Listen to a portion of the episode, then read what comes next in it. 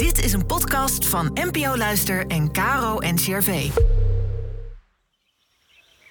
Welkom bij de Kloostercast, de podcast met antwoorden op alledaagse levensvragen vanuit de kloostertraditie. Inspiratie voor je dag.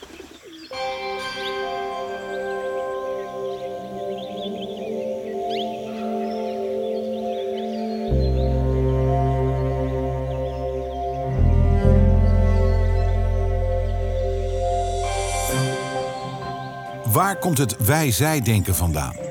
Hans-Peter Bartels zoekt naar een antwoord. Hij is Franciscaan en woont in het stadsklooster San Damiano in Den Bosch.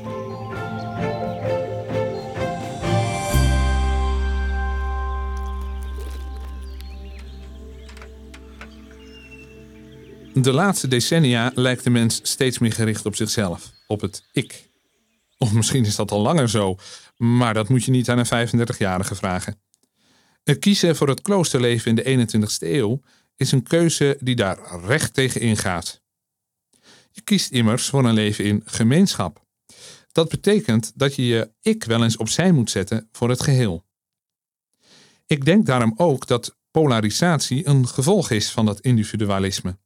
Dat klinkt misschien op het eerste gezicht wat gek, want polarisatie is bij uitstek een vorm van wij-zij-denken het onderscheid tussen deze wij en deze zij wordt gemaakt door het beantwoorden van de vraag: is iemand anders net als ik of niet?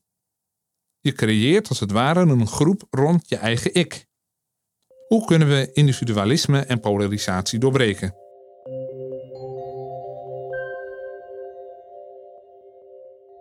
De Franciscaanse spiritualiteit biedt daar ook handvatten voor buiten het klooster. Een zuster van Clara van Assisi de eerste vrouwelijke volgelingen van Franciscus en de stichteres van onze zusterorde, vertelde dat Clara haar zusters, die buitenshuis dienst hadden, aanspoorde om God te danken wanneer ze mooie bomen, bloesem en bladeren zagen, en ook wanneer ze mensen en andere schepselen zagen. Moesten ze om alles en in alles God danken. Anders gezegd, Clara vraagt haar zusters aandacht te hebben voor mensen en te beseffen dat al deze mensen een schepsel zijn van God en daarmee een geschenk van Hem voor ons. Het richt je blik niet naar binnen, naar je eigen individu, maar naar buiten, naar de ander. Besef dat God nooit zomaar iemand op je pad stuurt. Als je dat grondbesef houdt, ben je al een heel eind. Maar er is nog meer. Jouw houding doet ook heel veel. Franciscus en Clara leefden in de tijd van de kruistochten. De grote vijand waren de Saracenen. Zij stonden toen synoniem aan de islam. Je kunt ook zeggen, de islam was de grote vijand. Vanuit het wereldbeeld dat alle mensen een schepping en daarmee een gave van God zijn, zag Franciscus met ledenogen aan dat christenen en moslims elkaar als minderwaardig beschouwden, zelfs als beesten. Hij zag ook met ledenogen aan dat mede-christenen naar de moslims toegingen en hen met harde hand tot het christendom wilden bekeren. Sterker nog, met hun eigen dood als gevolg.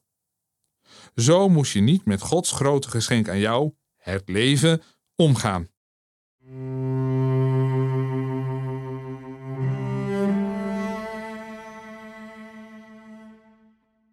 Franciscus beproefde een andere methode en omdat deze goed werkte, schreef hij hem neer in zijn eerste versie van zijn leefregel voor de broeders. Die broeders, nu, die gaan, om te leven onder de Saracenen of andersgelovigen, kunnen op twee manieren geestelijk onder hen leven. De ene manier is dat zij, als ze zien dat dit de Heer behaagt, hun het woord van God verkondigen, opdat zij geloven in de Almachtige God, Vader, Zoon en Heilige Geest, Schepper van alle dingen, en in de Zoon, de Verlosser, en zo christen worden. Want wie niet herboren is uit water en uit de Heilige Geest, kan het koninkrijk van God niet binnengaan. In moderne woorden zeggen wij: ga tussen mensen met een ander of geen geloof wonen. Wees een goede, aardige, nette buur. Zoek geen ruzie, maar steek niet onder stoelen of banken dat je christen bent.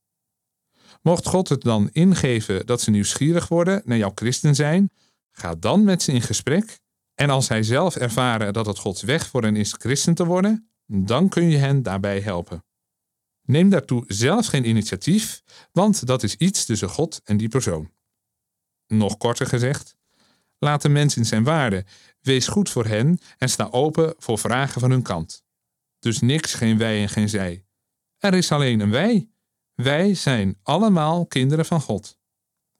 En dat doet me denken aan Psalm 133, hoe we als broeders en natuurlijk ook zusters samen horen te wonen in ons gemeenschappelijke huis, de aarde.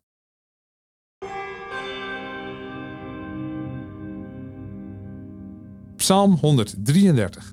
Hoe schoon en hoe weldadig is eendracht onder broeders. Als kostelijke olie op het hoofd, die afdruipt van de baard, de baard van Aaron. Die afdruipt op de boord van zijn gewaad, als Hermondauw die neerdaalt op de Sion. Daar schenkt de Heer zijn zegen en leven voor altijd. Met het oog op de Tweede Kamerverkiezingen geven verschillende kloosterlingen antwoord op de vraag: wat is goed leiderschap? In de volgende aflevering horen we hierover zuster Monica Razen.